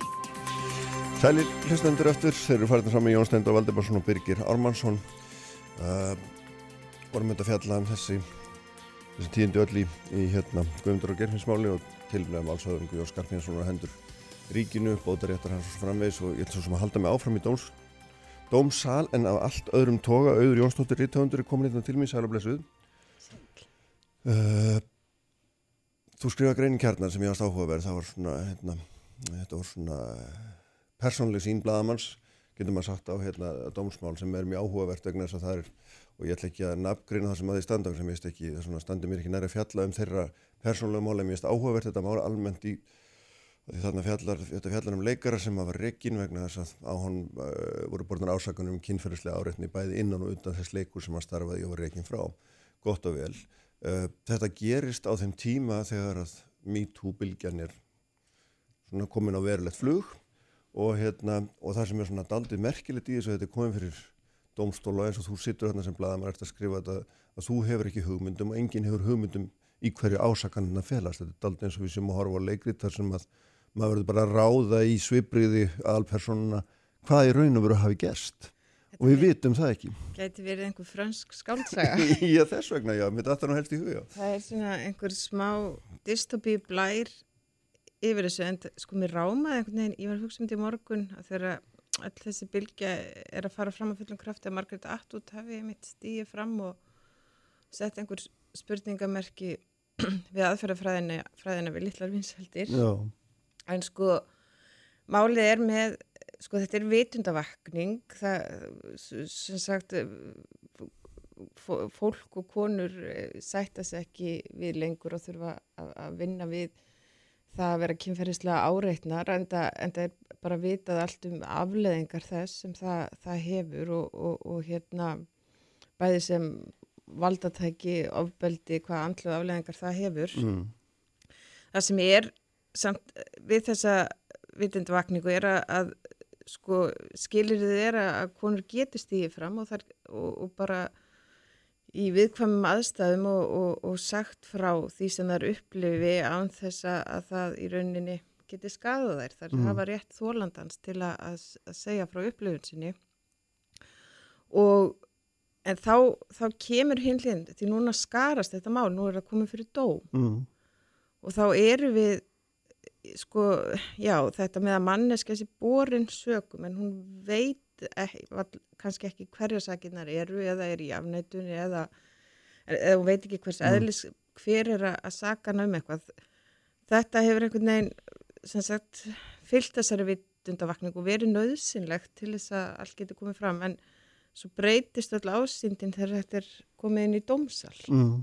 af því að það ásaganir sem varða kynferðislega áreitni geta náttúrulega það geta haft gríðarlega áhrif á líf manneskunar sem er borin þessum sögum það getur mist vinnu eins og er þessu tilvíkinu já, semst bara mannórsitt e, bara í öllum samskiptum og, og jafnvel verið grun laus um að sé verið að segja svona sögur af sér. Mm, e, það, það getur líka verið að það, það, það sé búið að rænaði mannórinu að þú reynlega vitir af því. Já. Sko e, þarna þegar þetta gerist þá er leikústjórin náttúrulega í, í erfiðri stöðu því þannig er hópur innan húsins sem hvaðist ekki geta unni með viðkomandi leikara út mm. af þessu eða segist ekki, eða ég veit ekki hvort það var sagt ekki unni en, en segir frá þessar upplöfun sinna að því fylgir kvíði og ótti og, og hérna í rauninni sko hann er, hann er ráðin þarna inn í ákveðin verkefni eh, hún sko þá kemur spurningi, getur leikhúsi leitt einhvers konar rannsókn er, er það hérna hlutverk leikhús að, að vera dómari mm -hmm. eða, eða mm -hmm. hérna átt að, átt að víkja þeim tímabundi frá sem hérna sögðu frá þessari upplifin sinni eða, eða þessari mannesku sem að e, er sökuð um hana e, hérna, þetta er rosalega erfitt og það, það, það þarf að leikhús er engin vennjulu vinnustæður þarna þarf að bræðast í rauninni við ástandi sem upp er komið. Mm -hmm. engin... Það, og málið snýst í rauninni bara um sko uppsögnuna, er, er, er, hvers, hvernig að henni er staðið. En, en svo hérna, hann stefnir núna leikússtjórunum uh, og leikúsinu og mér skilsta stefnunni sé einhvern veginn þannig hátt að og hún geti í rauninni leikúsi gæti krafið hana um að borga hlut af, af þessum kostnaði, hann er að fara fram á, á, á 13 miljónir og en þá það sem gerir þetta allt svona skrítið er að, að hérna núna sittir mann í dómsal og, og það er þrefa fram og tilbaka um, um uppsögnuna sem slíka en, en engin veit nefnilega einhverstöru hvað hva hann á að hafa gert. Mm. e, hver er upplifun þólenda því þeir eða þólendunir stiga ekki fram og það er þeirra réttur og það er gríðarlega erfitt að stiga fram sem þólend en samt verður þarna eitthvað svona skringilegt gap eins og kerfið ráði ekki við þessi mál. Kerfið er ekki komið. Það, það, sko mm. það verður orðið vitundavakning í samfélaginu sem sagt breytt gildismat en, en kerfið er kannski einhvern veginn já það verður bara til eitthvað gap. Mm. En vinnustæðurinn sjálfur hefur hann þá sagt, hann fyrir sér skildi á því að, að kanna sannleikskildi frásagnana annar hann bara tristir er... sínu fólki og segir bara þess vegna verði ég að taka þessu þessa ákvörðun og hérna ég, þú verður að fara. Ég fylgir þessu í rauninni að, að, hérna, að þólandi hafi þennan rétt, þannig að mm -hmm. eru konur sem koma fram undir nafni. þær, þær sko ekki gagvart honum en þær það- já, já, já, já. hitta leikustjóran og, og tjá upplifun sína Já, já.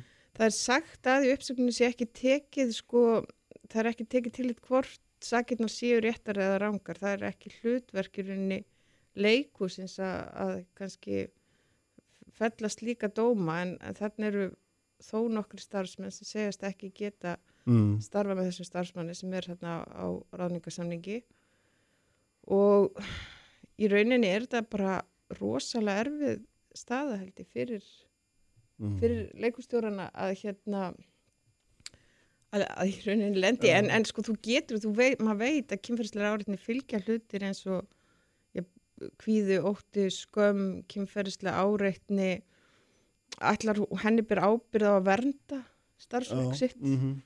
það, það er hennar skilda getur hún tekið sénsin á að, að meðan þetta er rannsókn að það gerist eitthvað fleira Mhm. Æ, En, hérna. já, já, já, já. En, en finnst þér sko, er einhvern veginn svona, að því þú nefndir nú Margaret Atwood og þessi, þessi rök hennar sem voru flugur nú svo sem um veraldavefin, sko, er, er hérna, Ég, það, það, það er kannski bara það, það sem minnir mann á einhver svona dystopíska franska Mm. skáldsögu kannski hérna sem ég var áður talað um í þessum þætti eða stúlkunum í síkaretunar að hérna þar er maður sem að tekið fyrir að reykja inn á klósetti í ráðhúsi og endanum dæmir almenningur hann harðar í raunumveruleika þætti heldur en morðingja. Mm, og þá komum við að þessu þau í rauninni þeirra sem er þetta að almenningur er einhvern veginn, það, það er verið vitnundavakning og ákveði gildismat hvernig að höndla svona mál og aðferðafræði sem er nokkuð sjálfsbrottin en svo er það domstólarnir og, og, og þessi mál getur orðið svo alvarlega eðli sínu þegar fólk er að missa æru og kannski Mm. margt annað. Er þá ekki komin einhver þú veist, þá er spurningin hvort það sé er þetta ekki mál sem ættu þá að vera fyrir domstólum eða ég, nú er Já. ég bara hérna já, já, veist, það er mikið í húi þannig að ég er, það sem ég er að segja bara kerfið sem slíkt, það, Mm. í rauninni hefur maður sympatíu með öllum sem koma á þessu máli því þú veist, þetta já, í rauninni er líka að segja bara að leikustjórinn sé ákveðin frumkvöld hann bregst þarna við Mhm. sem sagt og hefur áræðni til að, að hérna til að horfast í augu við þetta því þetta, þetta er heldur ekki, þetta gildis maður þetta og þetta, þetta sem að sem að konur og, og líka stundum en vilja ekki láta bjóða sér lengur, það er, það er alveg jafn raunverulegt og hvað annað, þú getur, þú getur eðilegt mannesku með kynferðislega áriði, þú getur líka eðilegt mannesku með að saka um eitthvað sem hún veit ekki um, þannig að þetta, þetta, þetta er bara nokkuð heimsbyggilegt mál.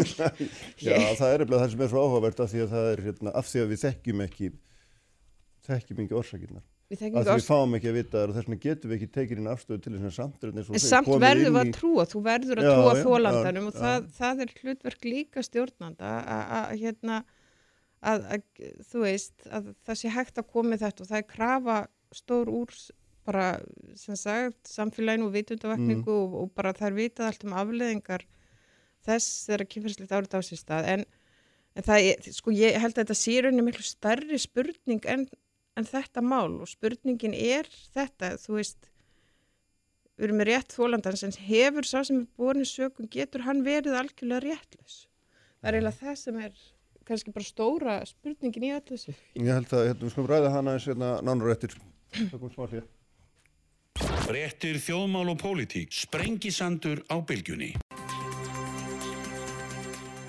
Já, hérna, sælaftur, við erum komin hérna aftur við auður Jónsdóttir í dæmandur, hér sittum hérna og erum að fjalla um þetta mál sem við hefum nú ekki hérna, mál sem er fyrir hér stómið þessum að þessi leikari er, er hérna, sækir rétt sem gagvart borgarleikursinu og ég nafngrein ekki vegna sem ég veist ekki þetta vera einhvern veginn svona mitt að fjalla um það með einhverjum persónulegum hætti, reyna að fjalla um þetta aðeins með svona almennar hætti vegna þess að þetta er svo forvittnir þetta svo margan hátt, sérstaklega í hérna, ljósi MeToo uh, byltingarinnar sem svo var kölluð, uh, reyfingarinnar sko, auður, þú varst að tala, þú komst náttúrulega með hérna, mjög áhugaverðan punkt á alveg þetta hvort að fornalambið, nei hvort að það sem borin er sögum geti í einhverjum hvort það sé ekki óeðlegt að hann sé réttlaus, geti ekki Hvort varið sem hann er fórnalambi eða Já, gerandi. já, já, að já. Í rauninni í öllum málum hafa allir sko dómsmálum rétt á, á vörn. mm. Þannig að hérna, en, en svo er þetta, þetta, í rauninni er þetta mál, það sem kannski bara ágætt að fyrir ekki að nefna það sem að því koma að því að hérna, þetta er í rauninni byrtingamind fyrir eitthvað starra, kannski var bara spurning hvenar svona mál ekki þú veist hvort það myndi verða heldur hvenar Mm. það myndi gerast að Mm. þetta, þetta er, við erum með svona fólk með gildistóma sko í vitundavakningu og svo er það, svo er það hérna inn í, í dómskerfin og, og, og þetta er eiginlega, þetta er einhver svona kerfis, það verða einhver svona kerfisskil eða þetta þetta er hérna við það, að því í rauninni sko kannski summer er þetta líka upp að það er örgla fullt af mönnum þarna úti sem kannski hafa jafnvel mistað verkefnum eða, eða sjensum eða, eða mætt einhvers konar óvild án þess að gera sér grein fyrir hver ástæðan er Mhm. Og hérna er, ég minnst allt í lægi að við spurjum okkur er, er þá erum við algjörlega hérna handra aðferðafræðina rétt Mm, mm. og ég veit ég mjög óvinnsæl að segja þetta en, en hérna en finnst sko það sem að þetta er þessi vitundavakning þegar hún hefur gerst mjög hratt og en hún verður, það er líka svo nöðslegt að hafa nafnlendina til að konur geti og, Já. og menn líka sem er ráðið stíð stíði fram, verið örug um að tjá upplifun sína þannig að í rauninni hérna þarf það líka vera en, en það er kannski sko ég get ekki leist þetta í þessum þætti Nei, nei, nei. ég bara að kasta upp Já, já, hérna, ég. Ég- spurningum en hérna eh, ég, já, ég hérna þetta er eiginlega sko man, maður upplýðir greina mín að heita harm, harmleikur hér að stómi þetta í rauninni verður harmleik þessi mál sko líka bara fyrir alla sem að öllum standa og, og, og hérna og ég held að kannski þetta er já, þetta, kerfið er ekki er einhvern veginn ekki viðbúið Mm. Nei. og það, það, náttúrulega var orð, orðið sko hérna þarna er svona samfélagslega vakning einhvern veginn undan kerfinu eða undan því hvernig við ætlum að hafa Já. þetta. Og ég meina þetta er búið að vera út um allan heim þetta er ekki Já, bara já, hér sko eða, þú veist, Nákvæmlega, en það sem að þetta er svona, það sem er, þetta, þetta svona kemur upp í kjölfar á, á þessari bylgju og ég, maður ímynda sér að þetta mál hefði kannski ekki orðið til fyrir hana. Og hún er svona öflug og hún er svona kröftug og, og svona sem er, snýr öll á sem kvál er sko. mjög skiljanlegt já. þetta er í rauninni bylting á, á, á einhverju sem hefur viðgengist og, og verið mjög eðilegjandi og einhvern veginn hefur ekki verið hægt að að snerta á og það er eins og ég vitnaði í ein- leikonu í greininu minni Mm, og nefnda sem mm. sagði þú veist við höfum alltaf bara hleyið eða látið eins og ekkert væri til að einhvern veginn viðhalda félagslegri mýkt þannig að þá eru auðvitað líka kalla sem bara skilja kannski ekki hvað er að gera þegar Mm. allt í nörða orðið rátt. En það er náttúrulega mismunandi hver já, eru eða hvernig það er staðið. En svo er það líka sem sagt, og þá kemur maður inn í skömm kallmanna að það kannski er þetta ekki bara spurningum að, og núna tala ég kalla konur en auðvitað geta konur árið líka kalla á allt það að kannski þurfa aðeins og þá er ég ekki að tala um alvarlega atvik en, en hérna einhvern veginn að geta af tapu verið þetta að, að skömm að huga, huga líka skömm kallmannsins og hann eigi auðveldara með einhvern veginn að, að horfast í augu við atferlið hvort það sé einhvern veginn hægt að, Mm. að hérna svona auðvelda farveg þessara mála að það, að það fá, sko, ég, það er eitt sem ég finnst skrítið í þessu öll og það er, það er kannski þegar einhver maður er ásakaður um svona mikið og, og kannast ekki við neitt mm. því að ég segi bara fyrir mitt leiti ef að, ef að ég var í spurð uh, fengja með einhverja sakir ég myndi sko bara, þú veist, verandi 46 ára að hafa prófað alls konar ég myndi hugsa bara getur verið ég hafi gert eitthvað þarna? Já, já. en ég fengi hins vegar ekki að vita þannig að mér svona, þegar fólk er algjörlega vist um að ekkert gert, þá, þá finnst mér það líka pínu grunnsalagt Já, já, Ég- hérna- það er hægt að snúa þessu allavega náttúrulega, sko, ég meina, ertu, ertu í grunninn alveg, sko, 100% á þessari nafnleindar, hérna, á þessari nafnleindarkenningu þar að segja að fórnulegum verði alltaf í þessu tilvíki að, að, að fá að koma fram nafnleisvegna, það er eitt er að þetta viðra áhyggju sinni við yfirmann undir nafnleind, en annað er náttúrulega þegar málur eru farin að hafa svona alvarlegar afleðingar, skiptir það ekki einhverju máli, er það ekki þá svona, Ég, það breytist ekki eðli málana eða hvað? Ég held við þurfum allavega að horfast í augu við það að hérna að þú veist, svona mál geta eðlis breytt, breytt eðli sínu og ég bara, bara við það fara út úr út úr svona já, yfir, yfir í, í það kerfislæga Mm. að það, þá einhvern veginn verða, þú veist, að því í dómsmáli þá, þá skiptir einhvern veginn hvert orð og hvert atvik máli þegar er verið að dæma. Mm. Það kannski, hérna, það verður svolítið æpandi þegar að, hérna, það er ekkert verið að, þegar það má ekki, þetta verður svona eins og fýll í herbygginu, sko, þá veit engin almenna hvað gerðist er, en á sama tíma er... En er það ekki útloka fyrir domstóla fjalla um mál þar sem að, hérna, það kemur í raun og aldrei fram? Það er það sem að það er ákveðin ómulegi, maður hugsaður, er, er, en svo er náttúrulega verið að dæma um hérna, sko réttmætti upp, uppsagnar ja, í ákveðinu ástandi. Réttmætti lítur að byggjast á því að mann viti að það hafi eitthvað eitthvað gerð, en sko það sem er raunverulegt er upplifun hvennana, þær, þær koma þarna og þær, mm. þær eru þetta margar og, og, það, og þetta kemur úr nokkrum áttum, þannig að leikustöru getur heldur ekki hort fram hjá því. Nei. Þú veist, það, það ekki gatan, þú veist, tekið, þú veist, hann, hann er bara, hann, það, hún er með skilt að tryggja öryggi fólks og ekki getur hann hunsa frásagnir þar. Og hérna, og þær eru raunverulega. Þetta er ekki einfalt maður í áttanælu á því og það er, getur aldrei verið það, það er alveg. Og hérna, og, ef, og þú veist, að fara að leið, leiða einhvers konar rannsóknin í húsun en er það, er það hægt, þú veist, að því að þess, þessi mál, sko, já getum, ég veit ekki það er en svo er það hann, ég held að það sé hann sem fari sko fram í fjölmjöla þú veist ég já ég held að, ég held að leikúsi hafi, þú veist, kalla hann inn á laugadegi það var aldrei, aldrei ætlun en kannski er ekki hjá því komist að, að þetta verði máli en það, það er kannski líka orðið máli ef hinnir starfsmennir hefðu farið í leifi þannig að ætlunin er ekki mm, að, að ræna mannorðinu, það verður að bregðast við ástand það er alltaf svona að gera sjálfkrafa þetta það verður hérna- óhjákvæmilegt en ég minna, eh, sko, er þetta öðruvísi en að því að nú leysa allir með sem vinnustæður úr eineltismálum og stundum endar það með því að einhver verður að fara af því að það bara samstarfi gengur ekki upp en það er þó samt leist það er, það er einmitt, það er kannski hópurinn er, er með aðtúasendir við þennan einstakling og, það, og hann er látið að fara en, en þau mál geta líka orðið snúin bara eins og já, já. þú veist ráðhúsinu e, e, hérna ég ég, ég þetta er bara, bara hrikalega erfitt flókið mál mm.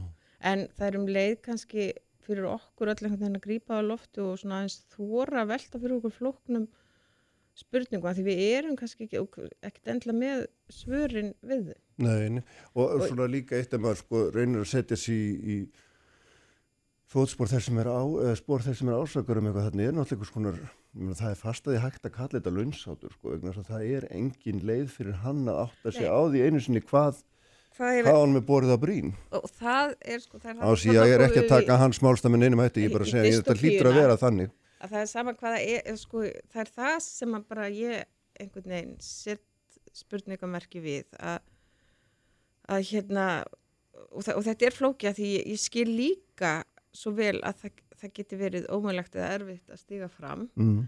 en að sama skapi er sko, er, höfu við rétt að til að bera einhvern mjög alvarlegum sögun sem getur kift öllu jafnvel undan honum og jafnvel fólki kringum mann og þá er ég að tala um þetta almennt. Já, já, Þannig, já, þú veist höfur ég, þú veist það verða þetta fornalömp með öllum byltingum en bara þetta að einhvern sé borin alvarlegum sögum sem geta kosta viðkomandi æruna starf eitthvað, þú veist, þá erum við komin inn í í rauninni þegar svona mikið er í húfi inn í það sem fólk er að fara í mál út af og er að, eða þú veist, mm. það, það eru komin en ég, þú veist ég, ef ég væri borin sögum um eitthvað alveglegt og ég fengi ekki að vita hvers aðlis það væri mm. eða hver væri ásaka með um það, ég sé myndi frík út í alveginu sko Já, ég, ég, ég, ég meina maður hefði tilneingu til að segja að það væri bara marklust ef að Ég, ég hugsi myndi bara ærast og, og hérna,